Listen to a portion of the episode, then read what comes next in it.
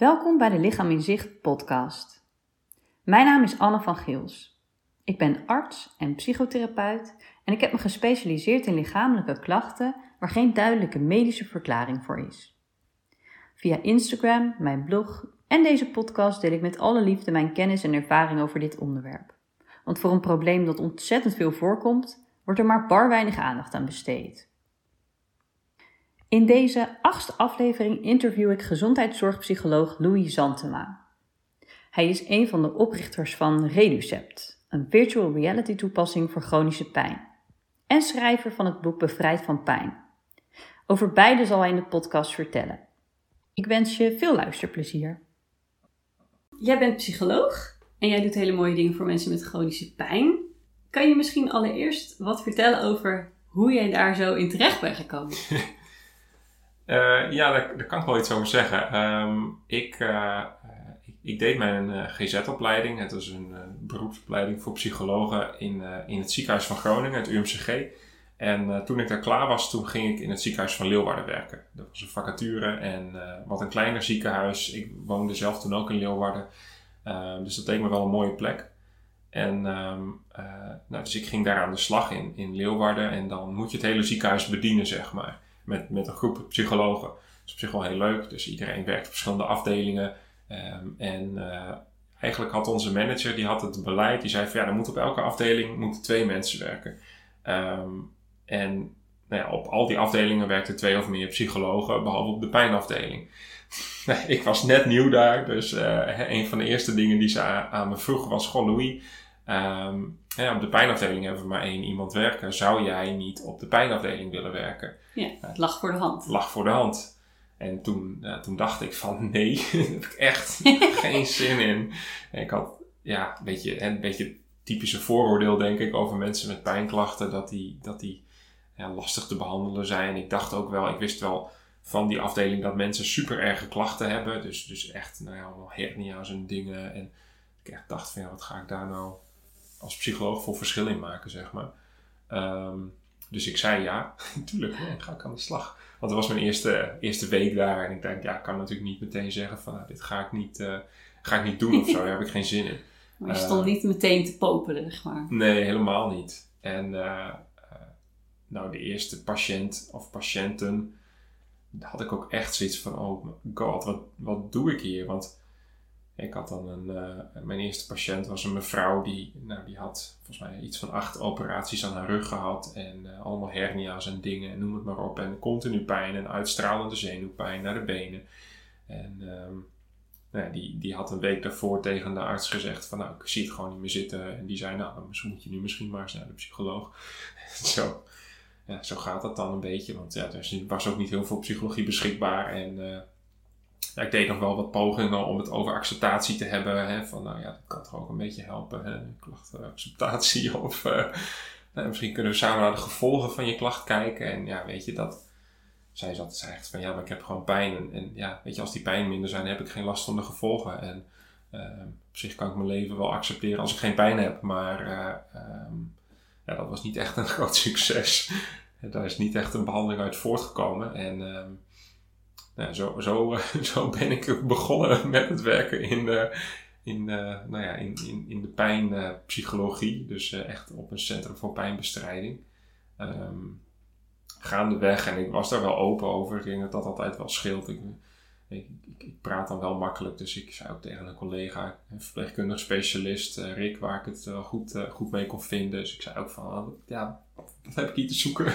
wat moet ik hier nou eigenlijk? En die zei ook van, nou, er zijn heel veel mogelijkheden bij pijn, maar ja, het is misschien wel goed als je ook meer leert nou ja, over het fenomeen pijn zelf. Want ik had natuurlijk wel, in de GZ-opleiding leer je wel iets hè, over, over somatiseren en zo, maar ja, dat is vrij beperkt. En, en ik dacht ook, ja, je somatiseert natuurlijk niet een hernia in je rug die, die soort van uitstralende pijn naar, naar, naar je billen veroorzaakt. Um, en dat, tenminste, dat kon niet helemaal linken met, met wat we in de opleiding wel uh, uh, hadden behandeld als, als somatiseren.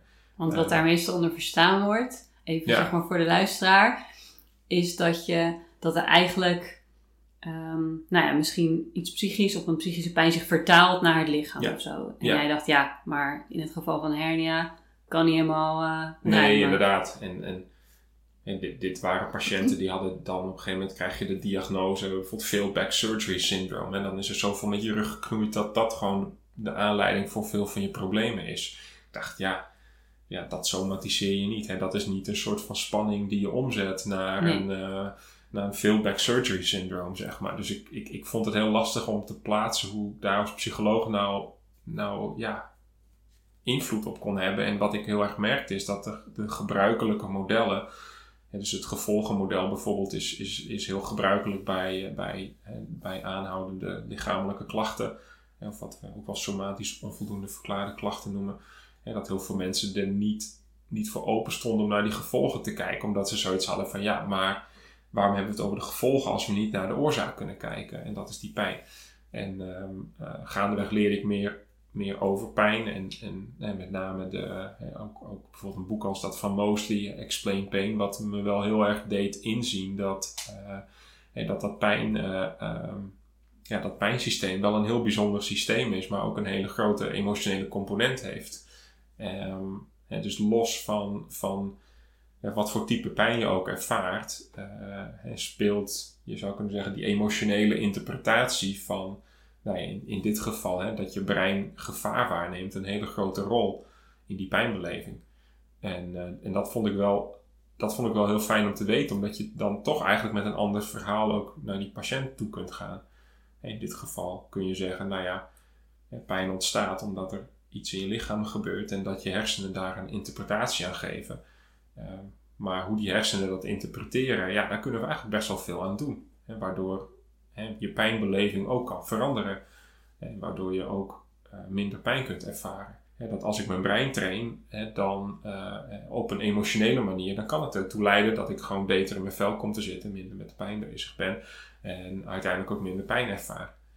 Dus het klinkt eigenlijk alsof met dat jij, zeg maar, in je werk meer leerde over wat pijn eigenlijk precies is en hoe dat werkt in je brein en hoe je daar grip op kan krijgen, dat jij ook dat kon vertalen naar dat jij jouw patiënten beter kon, de basis kon uitleggen van, van waaruit jij iets voor ze kon betekenen. Ja. En Ja, dat, je, dat jullie samen dan ook eigenlijk makkelijker grip konden krijgen op het probleem. Dat je zelf ook niet meer zo machteloos misschien voelde als Nee, in het begin. inderdaad. Want inderdaad, ik, de- met name dat je, weet je, je voelt ook aan alles dat iemand gewoon goed wil begrijpen hoe die pijn werkt. Een goede verklaring daarvoor wil hebben. En, en het liefst ook dingen wil doen ja, die goed zijn voor die pijn. Of eigenlijk die tegen die pijn werken. Dat is, ik weet niet, dat voelt ook zo logisch om, om dat te willen.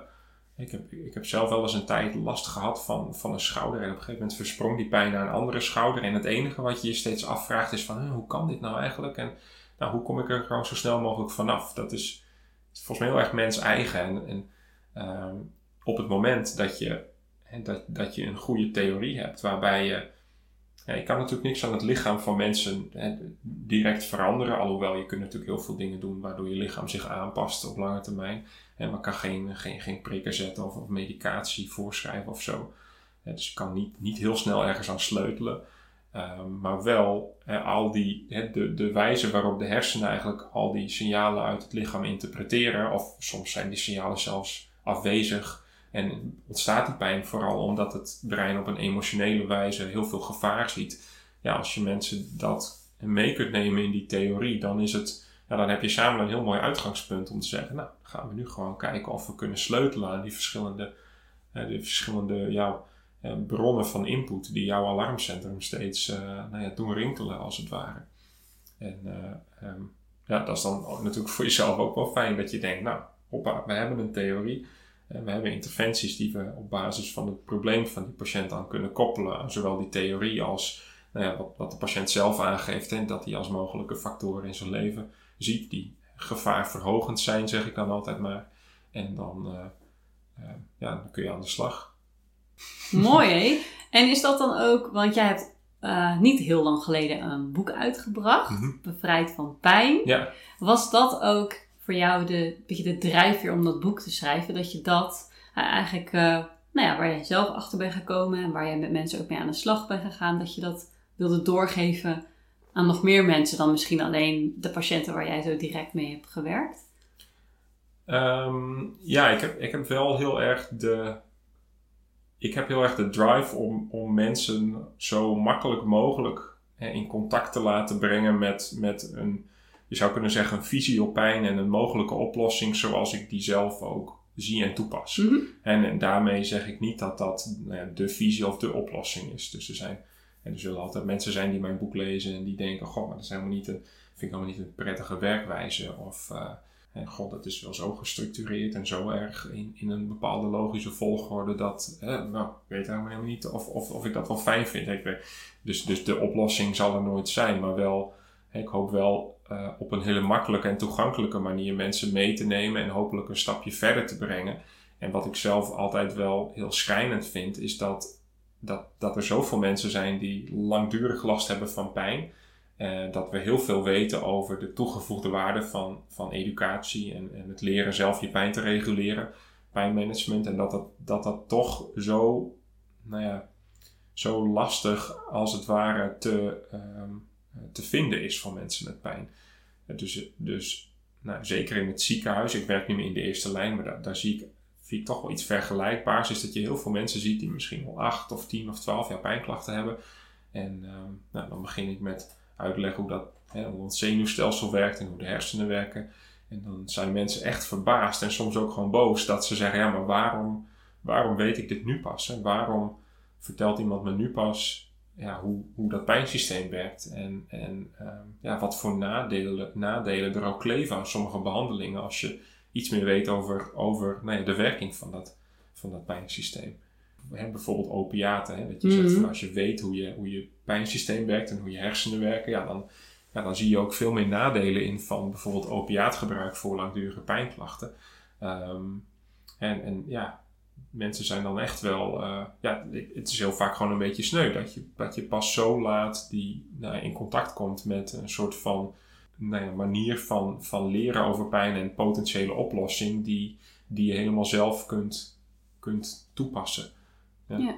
Want jij noemt nu een aantal keer, ik denk dat dat ook wel hele belangrijke componenten zijn van jouw boek. Hè? Uh, educatie, dus dat is eigenlijk uitleg over ja, wat is pijn eigenlijk? Hoe werkt dat precies? Hoe zit dat in je hersenen? Ja. Um, en ook wel um, nou ja, strategieën die je zelf kan leren om daar invloed op uit te oefenen. Ja. En, en de methode die jij in jouw boek beschrijft en waar je nu zo over vertelt, dat is ook wel. Nou, het is heel direct, het is heel klachtgericht. Hè? Dus je ja. gaat niet heel, heel indirect of heel erg over accepteren. Het gaat gewoon over hoe kan je je pijn verminderen. Want dat is wat de meeste mensen natuurlijk ook gewoon willen. Ja. Hoe kan je eigenlijk direct invloed uitoefenen op die pijn? Dat is ja. eigenlijk waar het over gaat. Ja.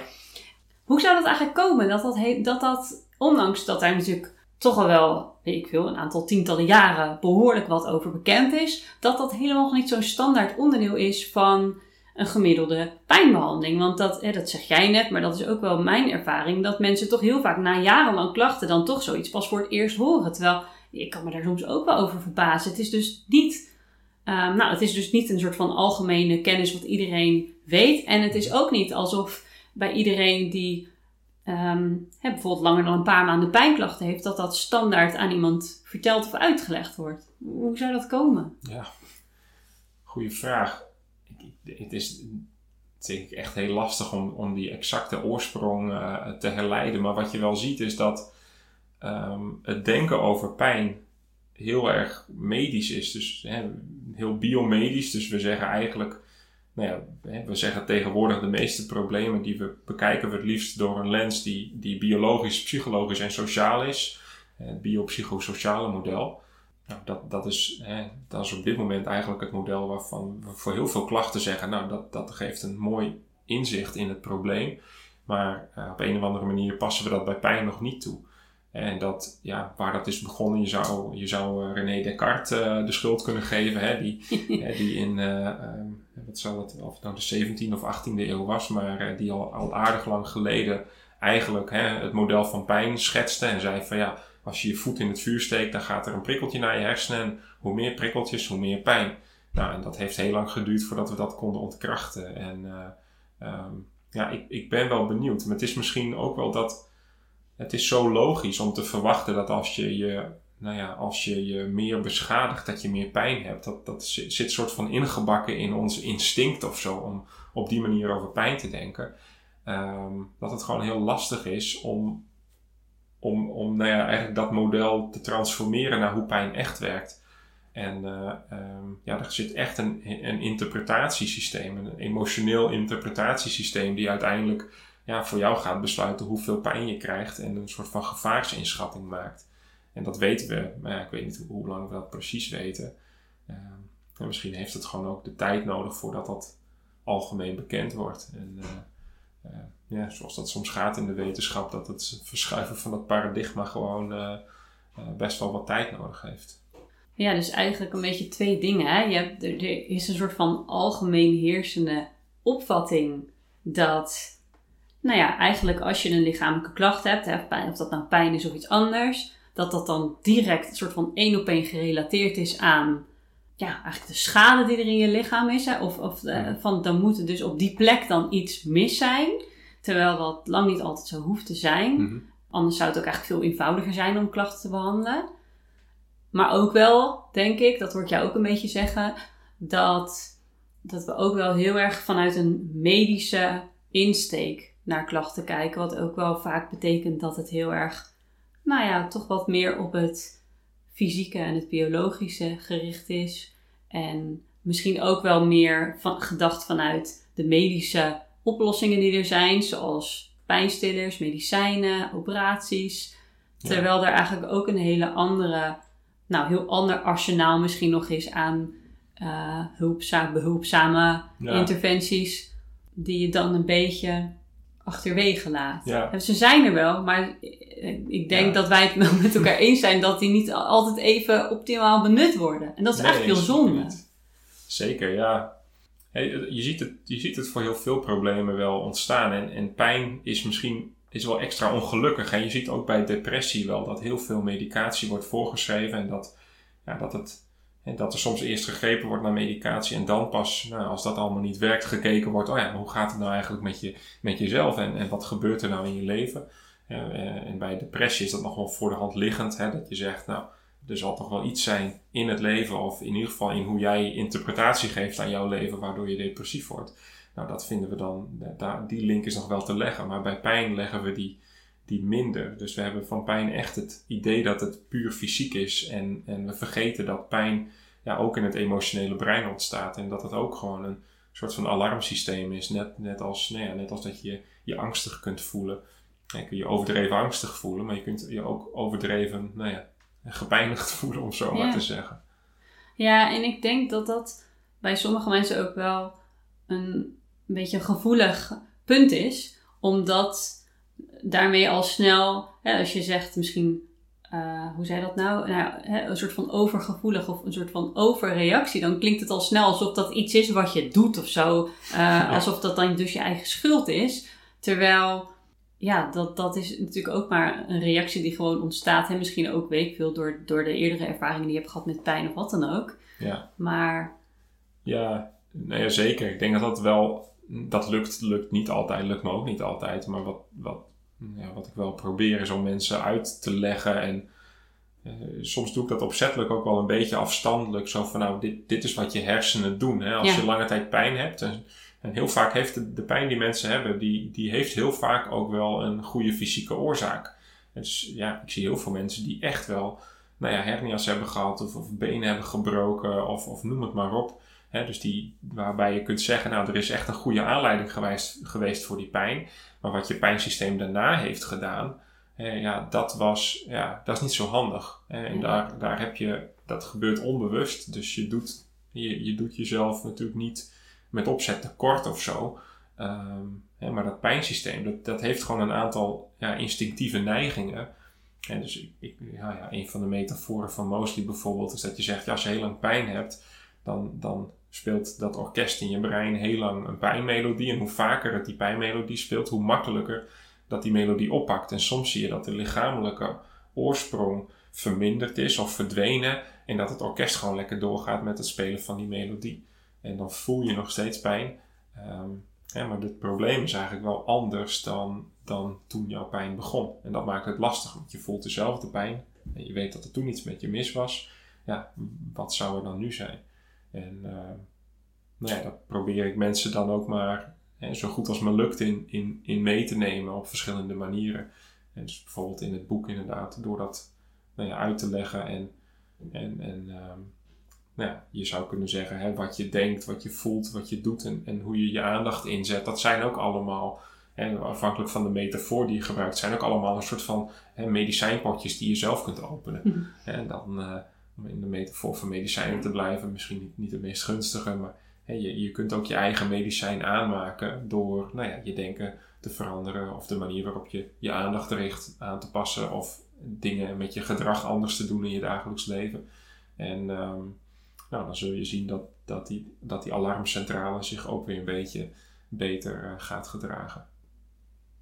Ja, want ik denk dat, nou ik denk nu even hardop, hè, je vertelt dat zo, dat soms is er wel een hele duidelijke aanleiding geweest waardoor je heel goed kan verklaren dat mensen pijn hebben gekregen. Maar verwacht je eigenlijk dat, dat na een tijdje dat die pijn voorbij is, terwijl hij blijft bestaan. Uh, en en hè, dat heeft dan dus eigenlijk meer te maken met, nou ja, die pijnpaden of zo, als je het zo wil noemen, uh, in je hersenen en je zenuwstelsel, wat eigenlijk gevoeliger is geworden en niet meer zozeer de pijn, de plek waar de pijn ooit is ontstaan. Um, maar waar ik naartoe wou, is. Mm Het is natuurlijk moeilijk om daar wel om daar vertrouwen in te hebben, omdat het voelt, wat je zegt, het voelt dat dat deuntje van het orkest klinkt precies hetzelfde. De pijn voelt precies hetzelfde. Dus om dan ja, daar ook weer vertrouwen in te krijgen dat het niet diezelfde, dat het niet kwaad kan of dat het niet dat er niet iets ernst, ernstigs aan de hand is. Dat is natuurlijk wel ja, ingewikkeld. Ja, zeker. Dat, uh, dat, dat, dat is ook lastig. En um, ja, ik, ik probeer in de behandeling vaak ook wel een aantal dingen hè, uit die, die in ieder geval dat wat meer kunnen bewijzen, zeg maar. Dus ik, ik hou bijvoorbeeld wel heel erg van, van hè, in ieder geval met, met, met mensen kijken of visualisatieoefeningen wat helpen. Hè. Dus een visualisatieoefening is dat je nou, je ogen sluit en je, en je een bepaalde voorstelling maakt. Um, nou, er zijn best wel, best wel leuke visualisatieoefeningen voor, voor pijnklachten. En met name prikkelbare darmen zijn echt, echt legio aan uh, visualisatieoefeningen. En um, ja, wat wel leuk is aan, aan dat soort oefeningen, maar het kan ook een mindfulness oefening zijn of een ontspanningsoefening, is dat, ze, dat je wel meteen een soort van hypothese kunt, kunt toetsen. Hè, van, nou ja, want als het zo is dat er in jouw lichaam iets kapot is wat nu die pijn veroorzaakt, ja, dan zou er, dan zou er in feite zou niks moeten uitmaken wat je, wat je doet. Of dat nou, eh, dus, dus dan, dan zou zo'n visualisatie of ontspanning of mindfulness helemaal geen invloed moeten hebben op de pijn die je ervaart. Of hoe je de aandacht richt. Ja, dan kun je best wel leuk ervaren dat je op die manier ja, al heel snel invloed kunt, kunt uitoefenen op, op jouw pijnbeleving. En, en ehm, ja, dan, dan, dan hoop je in ieder geval dat het, nou ja, dat, dat concept, hè, dat pijn iets is wat ook al, en, en soms, het is, ik, meestal voer ik niet eens de discussie over of het heel fysiek is of niet, want het maakt niet eens zo heel veel uit.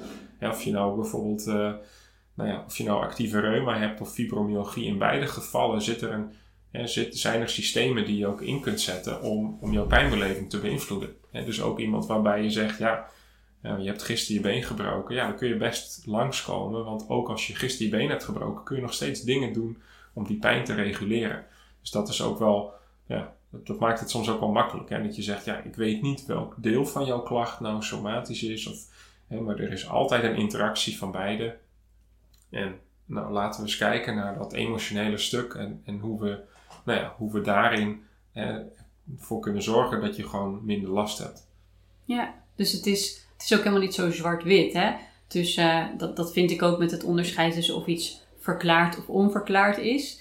Maar jij zegt eigenlijk ook, ja, het maakt eigenlijk helemaal niet zoveel uit wat de oorzaak van de pijn is. Er is altijd wel een stukje hè, wat je misschien zelf kan beïnvloeden en wat ook te maken heeft met je interpretatie van de pijn. Inderdaad, ja, zeker. Ja, of het is hoe je het maar noemt, maar mindset of ik vind. Uh, ja, soms geef ik ook wel als voorbeeld uh, Wim Hof, en de, die, Iceman. Ja. En die, die heeft zich zo getraind. Hè, die, die, nou ja, als, je, als je zijn Instagram volgt, dan zit hij drie keer per dag in een, in, in een ijsbad zo ongeveer.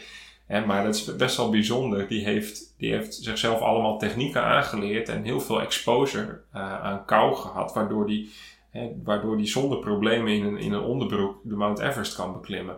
Nou, dat is, hè, je zou zeggen, hoe is dat mogelijk? Nou ja, volgens de principes van, hè, van, van pijnregulatie en, en exposure is dat inderdaad mogelijk. Ja, dat heeft die gast ook niet in één of twee dagen gedaan. Nee, die heeft, ik bedoel, jarenlange, weet ik veel, meditatieoefeningen en noem het maar op. En, en je kunt je afvragen, ja, is dat nou heel handig om dat op die manier te doen? En daar, kun je van alles van vinden. Maar wat wel leuk is aan het voorbeeld, is dat hij, dat hij zichzelf heeft, in ieder geval zijn systeem zo heeft getraind dat een bepaald type pijn, de pijn die je krijgt als je koud bent, dat hij die als het ware zo kan, nou ja, kanaliseren, dat hij daar geen last van heeft. En, en hij gebruikt heel veel technieken die, die mensen met pijnklachten ook kunnen inzetten. Ja. ja, dus je kunt je vraagtekens erbij zetten hoe nou ja, gezond dat misschien is op de lange termijn te doen. Maar het is in ieder geval wel interessant, want het bewijst wel ja, hoeveel ruimte er eigenlijk is en hoeveel invloed er eigenlijk is die je zelf kan uitoefenen. Ja, ja precies dat. Ja, inderdaad. Dat je eigenlijk, ja, als je, als je genoeg, genoeg traint, dan kun je heel veel, nou ja, heel veel van wat je ervaart, kun je, uh, ja, daar, daar kun je, nou ja, dat, dat kun je verminderen of daar kun je een andere draai aan geven door, ja, door jezelf mentale strategieën aan te leren. Ja. Hey, iets anders waar ik jou naar wil vragen. Jij bent een van de oprichters van Reducept en dat is een virtual reality toepassing ook voor chronische pijn. Kan je misschien eens iets vertellen over hoe jullie op dat idee kwamen om VR in te zetten voor mensen met pijn? Um, zeker. Uh, nou ja, dat begon een, aantal jaar geleden. Ik werkte toen in het, hè, dus in het ziekenhuis van Leeuwarden en toen uh, ontmoette ik Margriet. Margriet Venema, die, uh, die volgde een opleiding digitale zorginnovatie. Um, die zocht een soort van, van afstudeerplek. En die kwam bij mij terecht in het ziekenhuis. Ik deed binnen het ziekenhuis al, al wat, wat dingen met, met e-health. En ik was er wel altijd wel enthousiast over. Dus toen zijn uh, een soort van brief stuurde naar, uh, naar de decaan. Toen zei hij, hey, misschien is het wel leuk als je eens met Louis kennis maakt. En um, nou, Margriet die, en ik maakten kennis en het klikte meteen wel heel goed. Um, dus wij gingen aan de slag. En als je met een ja, als je, als je aan de slag gaat met design, en dat leerde ik allemaal van Margriet, want ik dacht van nou, nu ga ik iets bedenken en dan moeten we dat uitvoeren. Uh, maar dat, dat was helemaal niet de bedoeling. Uh, ze zei, nee. zo denken we dan meestal. Dat is een beetje de wetenschappelijke wijze van denken. Van als je maar genoeg leert, dan kun je vast iets bedenken wat heel waardevol is voor patiënten. En dus, dat, is, dat is eigenlijk een beetje verkeerd gedacht. Hè? Dus ze noemen dat ook wel design research. Designers zijn er heel goed in om nou ja, niet zozeer te denken van wat vind ik nou een leuke stoel, maar om te denken van nou wat, hè, waar heeft iemand nou behoefte aan die op zoek is naar een stoel, zeg maar. Uh, wat zijn de needs van een gebruiker? En daar vervolgens nou ja, op, op in te spelen. Mm -hmm. dat, je, dat je een product nou ja, ontwikkelt wat vooral inspeelt op de behoeften die jouw gebruikers hebben. Um, en nou ja, Margriet die, die keek met mij mee in het ziekenhuis, ging heel veel mee, ook naar de, de pijnsessies. Nou, en die merkte, hè, ook toen ze zelf mensen met pijn interviewde, dat, hè, wat, wat we eerder al zeiden, eigenlijk iedereen met pijn wil heel graag weten waar het nou vandaan komt en wat ze daaraan kunnen doen. Um, wat, wat we ook wel merkten is dat, dat nou ja, zeker misschien voor de doelgroep mensen die hele ernstige pijnklachten heeft en die heel veel opiaten gebruikt, um, dat het echt wel lastig was om nou ja, op de manier die ik net ook omschreef, hè, dus om met mensen in gesprek gaan, een soort van therapeutische sessies, om, om nou ja, tot het inzicht te komen dat ze zelf heel veel ruimte hebben om die pijn te beïnvloeden.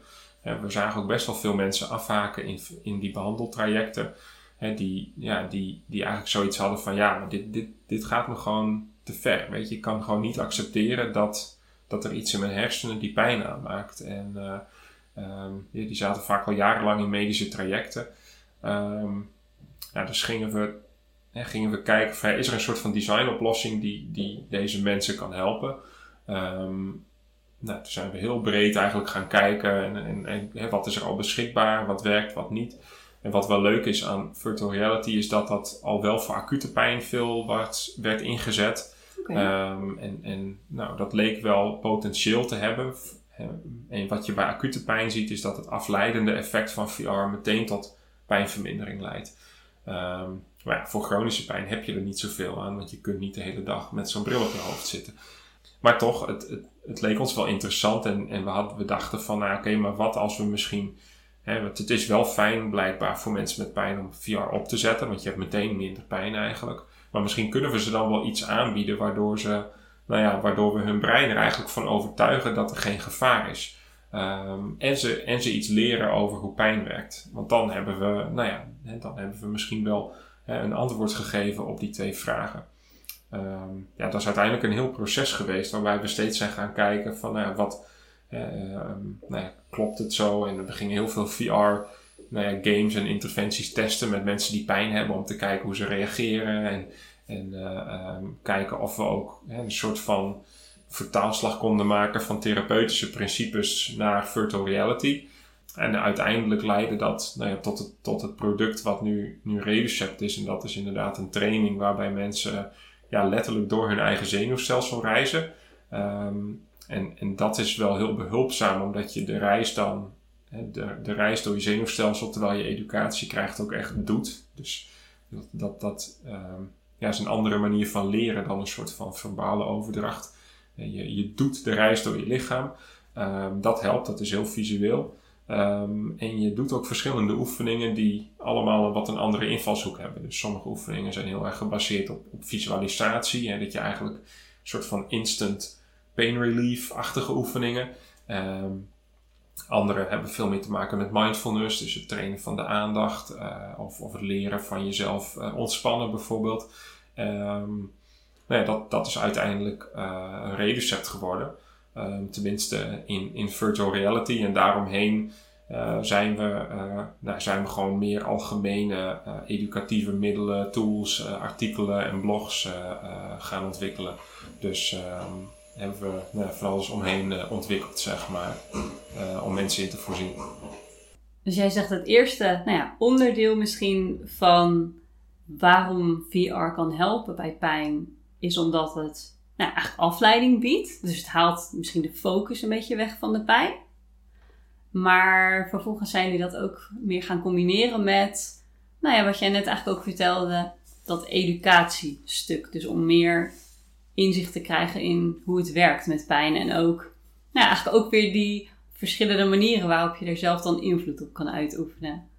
Ja. En dan ja. op een hele, op een hele nou ja, ik weet niet of dat een praktische manier is, maar in plaats van dat je vooral daarover praat of het in woorden overbrengt, is het meer dat mensen het echt meemaken als het ware. Ja, ja inderdaad. Dat, uh, um, ik denk het, het, het leuke is zeker voor een doelgroep mensen die gewoon heel veel pijn heeft of zich misschien heel lastig kan focussen überhaupt op een gesprek doordat ze zoveel pijn hebben of, of door de medicatie die ze gebruiken is dat, dat die VR trekt heel erg de aandacht. Dus je bent eigenlijk meteen ergens anders. Um, en je ontkomt ook eigenlijk niet echt aan je therapie, zeg maar. Wat ook wel leuk is, is dat eh, wat we heel veel hebben gedaan in die, in die training, is uh, dat je, we geven eigenlijk continu heel veel emotionele suggesties, dat je zelf je zenuwstelsel aan het helen bent. En um, uh, dus je, je, ja, je brein wordt zeg maar continu een beetje een soort van propaganda. Krijgt die van, nou, er is, hè, er is geen gevaar. Je hebt zelf grip, je hebt zelfcontrole. En, en dat emotionele brein maakt helemaal niet zo goed onderscheid tussen werkelijkheid en fictie. Hè. Dus als je, nou ja, als je een uh, spannende serie kijkt, dan voel je ook de spanning in je lichaam. Als je een spannend boek leest, dan voel je ook al de spanning, omdat je emotionele brein daar gewoon wat in meegaat. Um, en in, in VR is dat, dat eigenlijk nog extremer. Dus ja, de ene persoon is daar vatbaarder voor dan de ander. Maar je ziet ook wel dat gewoon die suggestie van een soort van genezing en geruststelling en zelf invloed hebben en grip hebben, dat dat er, nou zeker voor een deel van de mensen voor zorgt dat ze al heel snel ook zich gewoon ja, geruster voelen. En dat ze, dat ze soms zeggen, ja, mijn, mijn, mijn pijn werd gewoon minder.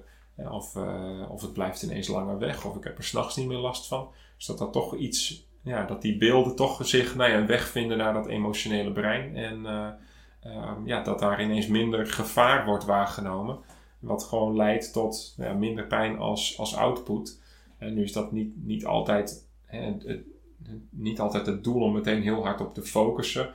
Uh, maar, maar vooral te kijken van nou kan ik iets doen wat mezelf gewoon meer grip geeft. En waardoor ik beter in mijn vel kom te zitten, me ontspannender voel. En dan dan volgt die pijn vaak ook wel. Super interessant.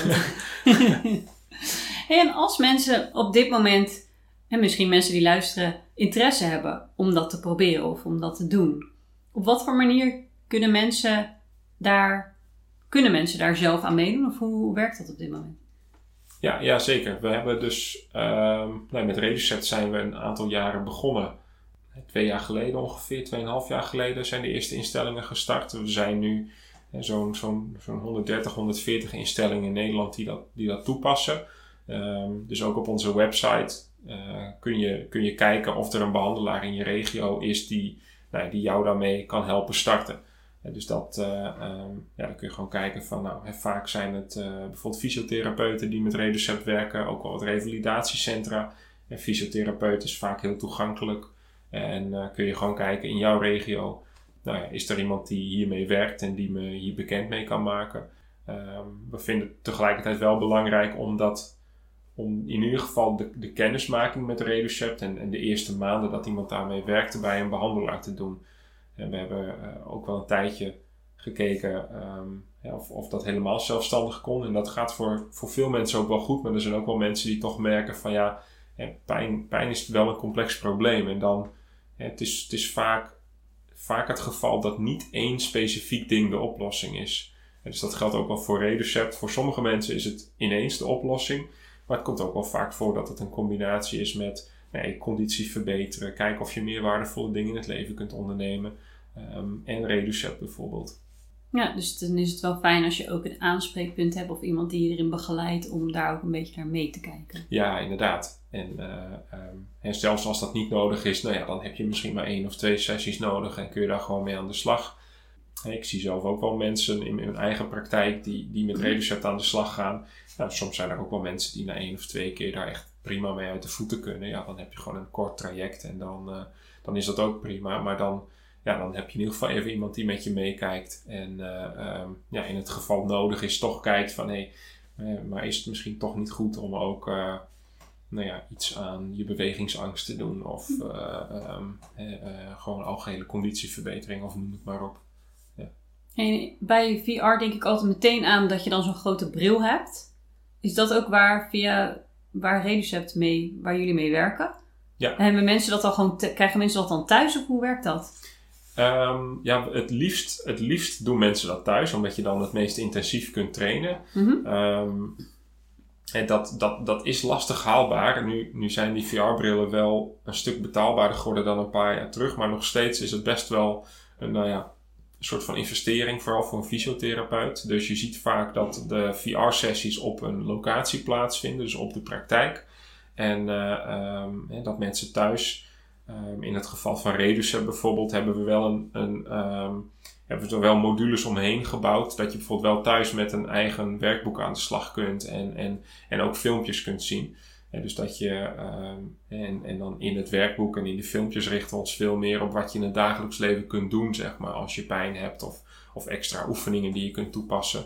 Dus dat we, um, dat we op die manier ook, ook proberen aan te vullen op wat die VR biedt. Ja, Want je kunt natuurlijk in VR, ja, je zou wel kunnen zeggen, nou ja, we we geven je een advies van, van hoe je je energiebalans bijvoorbeeld kunt verdelen. Maar dat leent zich dan weer minder goed voor virtual reality, Ja. zeg maar. Dus op een gegeven moment zeiden we wel van nou, het is wel goed als we daar dingen omheen ja, ontwikkelen. Die mensen wel uh, nou ja, inzicht geven en, en de tools geven om in hun leven ermee aan de slag te gaan.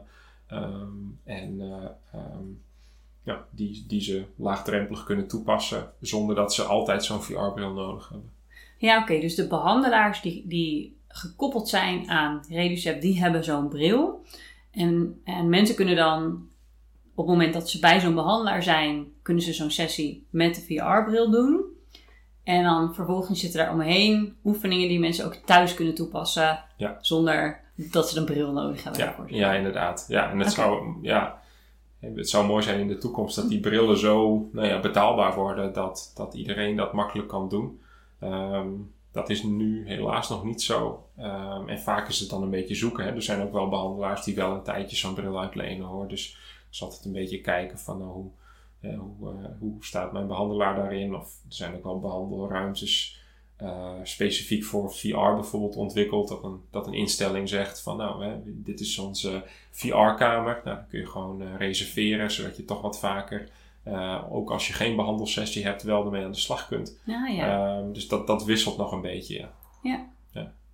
Oké. Ik zit eventjes te denken of ik verder nog andere vragen heb. Ehm, nou, ik weet niet. Misschien wil je nog iets vertellen over... Het is natuurlijk een heel innovatief project. Heel vernieuwend. Ook wel een beetje experimenteren en kijken wat werkt, wat niet. Wil jij misschien nog iets vertellen over ideeën die jij of jullie nog hebben voor de toekomst?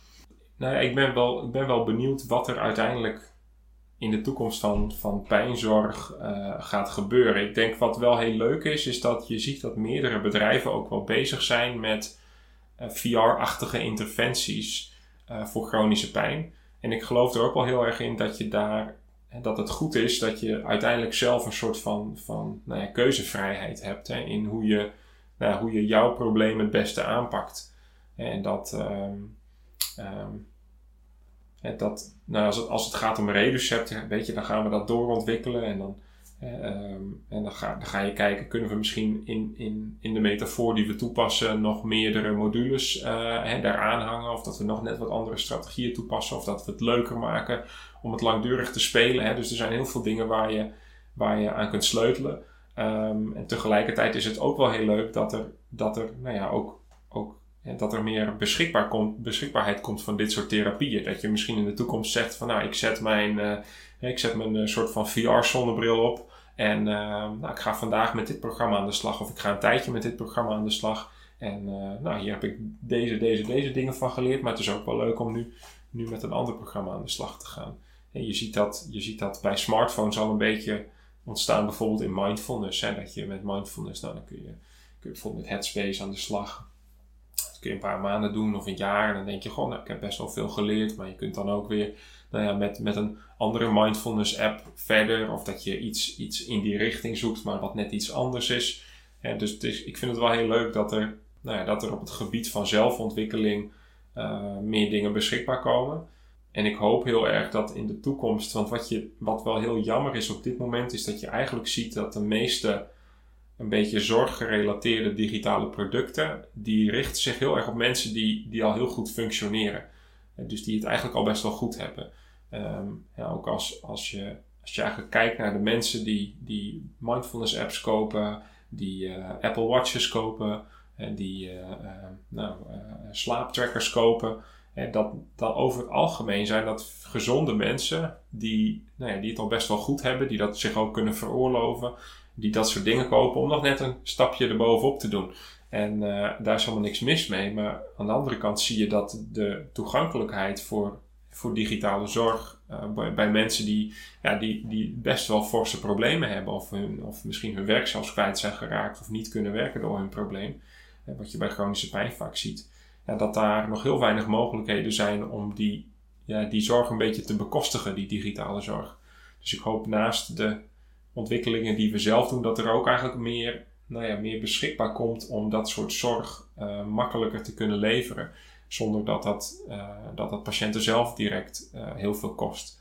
Dus zoiets als Reducept, ehm, ja, dat, we, hebben daar, we hebben daar echt je zou kunnen zeggen, de zorg die, die normaal gesproken geleverd hè, zou worden door een, bijvoorbeeld een psycholoog, hebben we vertaald naar een digitaal pakket. Maar dat wordt niet vergoed. Dus dat, um, en, en, je, moet, je hoeft heus niet zomaar alles in één keer te vergoeden, maar het is nu gewoon heel lastig. En, uh, en, en, dat zou ook wel fijn zijn als we een soort van, nou ja, toch een, een weg vinden in ook het uh, makkelijker uh, vergoeden van dat soort digitale tools en producten. Ja, dus het zou mooi zijn als het voor meer mensen beschikbaar zou zijn, als het laagdrempeliger beschikbaar zou zijn. Het zou natuurlijk ook heel mooi zijn als, nou, misschien bijvoorbeeld ook zorgverzekeraars de waarde daarvan meer gaan inzien en dat het ook op die manier misschien toegankelijker wordt, doordat het vergoed wordt voor mensen. En um, nou, wat jij ook net een beetje zei, dat er, dat er ook steeds meer keuze komt misschien. Dat mensen ook zelf kunnen kijken wat bij hun past. Dat ze uit verschillende uh, nou, opties of mogelijkheden kunnen kijken wat bij hun past of wat hen het beste helpt. Ja, ja inderdaad. Ja, dat een mooie, mooie samenvatting is. Dat, dat zijn wel drie dingen die, die voor de toekomst uh, nou, het ook makkelijker zouden maken om in contact te komen met die zorg. En, ja. Uh, dat grijpt wel een beetje terug op dat eerdere punt. Hè, dat, eh, wat me ook wel drijft is om, om wel te kijken van nou, hoe, hoe kan ik bijdragen aan een oplossing die, die nou hopelijk op meerdere plekken tegelijk toe te passen is. Mhm. dus ook bijvoorbeeld het, het boek, eh, het, het boek Bevrijd van Pijn is een hele andere oplossing dan een VR-bril. Maar het zijn eigenlijk twee verschillende oplossingen voor hetzelfde probleem. En, de ene persoon zal misschien meer het type zijn die baat heeft bij het boek en de andere misschien meer bij VR. Of een combinatie van beide, dat maakt niet zoveel uit. Maar het zijn eigenlijk twee oplossingen voor hetzelfde probleem. Uh, maar wat wel heel leuk is, is dat beide ja, heel schaalbaar zijn eigenlijk. Dus dat je in beide gevallen hoopt van nou, we weten toch dat, dat alle mensen die zich met pijn bezighouden, lang niet alle mensen kunnen behandelen die pijn hebben. Um, nou ja, hopelijk uh, kan ik op die manier iets bijdragen wat, wat mensen een stap in de goede richting helpt. Ja, ja. Zodat toch meer mensen gebruik kunnen maken van die kennis en van die tools. Eigenlijk. Ja. ja, ja inderdaad. Ja. Nou, mooi. Mooi, mooi iets om naartoe te werken, denk ik. ja, ik denk dat het een leven lang uh, doorwerken wordt, maar uh, dat maakt niet uit. Je moet, uh, je moet ergens naar, naar streven. En het, ik vind het wel heel waardevol om, om te doen, dus dat, dat is wel een mooie drijfveer inderdaad. Um, ik zat nog even te denken. Ik wil jou in ieder geval heel erg bedanken voor het interview en alles wat je hebt verteld. als mensen meer hierover willen weten, waar kunnen ze dan meer informatie vinden? Um, op Reducept.nl kun je meer informatie vinden over Reducept. Ja. Um, op uh, bevrijdvanpijn.nl kun je wat meer informatie vinden over het boek. Oké. Okay. En last but not least op uh, Venema Zantema, dus Venema met een F, Zantema.nl uh, kun je meer informatie vinden over, over mijn eigen praktijk. Okay. En dat is met name voor mensen die in, meer in Noord-Nederland wonen misschien interessant. Hè, als die denken van, goh, hey, uh, we, ik bied dan bijvoorbeeld in Leeuwarden wel samen met de fysiotherapeut ook echt gecombineerde uh, multidisciplinaire pijnbehandelingen aan. Um, en dan kun je altijd een kijkje nemen. Kijken van, uh, oh, hey, is dat iets wat voor mij van toepassing is? Of uh, waar ik mijn arts voor een verwijzing zou kunnen vragen. Dus dat zijn de, de, drie, uh, de drie adressen waar je terecht kunt. Ja, afhankelijk van wat mensen misschien het meeste aanspreken of waar ze behoefte aan hebben, kunnen ze Ja. daar meer informatie vinden. Ja, inderdaad. Oké, nou top. Dankjewel. Graag gedaan.